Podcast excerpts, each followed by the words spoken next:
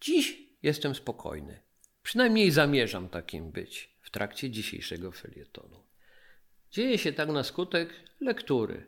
Niekoniecznie spokojnej, ale jakoś jednak mnie uspokajającej. Przeczytałem kiedyś, ale niedawno temu i wcale nie za siedmioma górami i tylomuż lasami, króla Lira, Williama Shakespeare'a. Nawet mnie osobiście wydawało się to dziwne. Do szkoły przestałem chodzić dawno temu. Zresztą nawet wówczas nikt tego ode mnie nie oczekiwał, bo i po co. Nigdy też specjalnie nie przepadałem za dramatem jako formą do czytania. Coś jednak mnie do tej lektury pociągnęło. Wbrew pozorom było to łatwiejsze niż byłoby kilkadziesiąt a nawet kilkanaście lat temu. Książka ta, jak wiele innych dzieł, jest dostępna w internecie w wersji elektronicznej, a jakże, a do tego dzięki serwisowi, taka reklama wolnelektury.pl, zdaje się, że korzystanie z jej tekstu jest zupełnie legalne. Zresztą nie o legalność bądź nielegalność tu chodzi. Niestety dla samego siebie przy okazji tej lektury odkryłem, że rację mają ci, którzy twierdzą, że Szekspir jest ponadczasowy. My współcześni najchętniej nie lubimy przyznawać racji tym, którzy powiedzieli coś mądrego przed nami. Najczęściej odkrywamy swoje prawdy, dowodząc, że nasz czas jest uwieńczeniem dziejów. To taka nasza przykra ludzka przypadłość. W każdych dziejach taka sama. Co takiego uderzyło mnie przede wszystkim w królu Lirze, że dopatrzyłem się w niej ponadczasowości, w niej, w tej lekturze. Przede wszystkim wszechogarniająca destrukcja, prawda, że ciekawe? Przeciągu całej narracji po kolei dokonuje się dekompozycja jakiegoś zastanego układu. Jeden błąd rodzi drugi, ten z kolei następny. Z każdym kolejnym aktem jest tylko gorzej. Na końcu większość bohaterów ginie. Ten zaś, który ocaleje, musi wszystko zacząć kleić od nowa.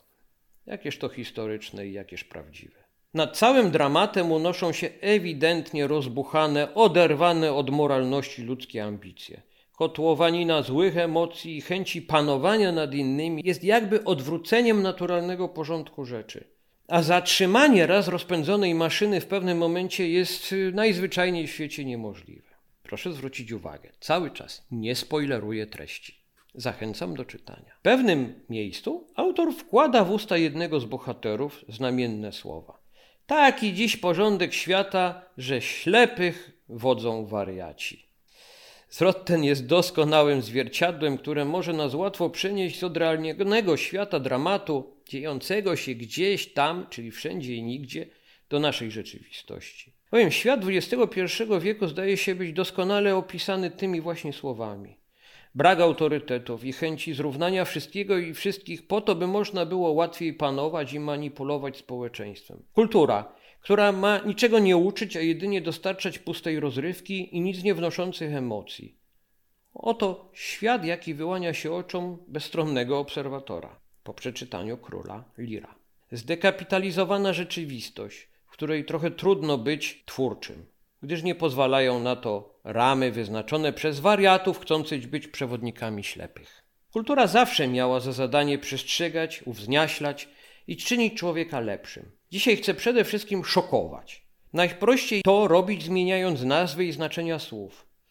Dobro może tu się stać złem, porządek świata zniewoleniem. Bóg, którego przecież ma nie być, jest narzędziem opresji umysłu. Wszelkie kombinacje mają służyć jedynie realizacji własnych ambicji. Jeszcze niedawno mówiono, że granicą eksperymentu w sztuce winna być moralność. Obecnie pogląd taki został skierowany do lamusa wraz ze ścisłą definicją tej ostatniej wolno wszystko. Taka definicja. Istnieją środowiska, w których dyskutuje się nad performansem polegającym na to, że stojąca kamera rejestruje śmierć zagłodzonego psa, czyniąc zarówno z autora takiego dzieła, jak i widza swego rodzaju bestię. Osobnika, który przekreślił sobą ileś tam tysięcy lat uczłowieczania ludzkości.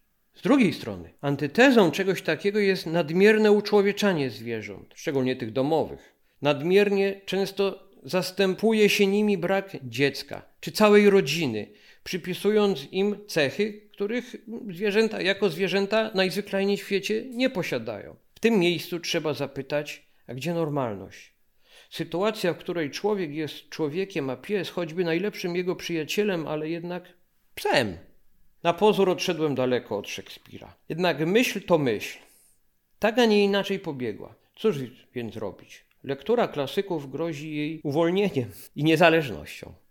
A więc tym bardziej, jeśli chcemy być wolni, czytajmy ich jak najwięcej. Wtedy bowiem zobaczymy więcej absurdów i rzeczy, które nie idą we właściwym kierunku. Zobaczymy to, nie tracąc czasu i nie dając się wodzić wariatom jako ślepcy.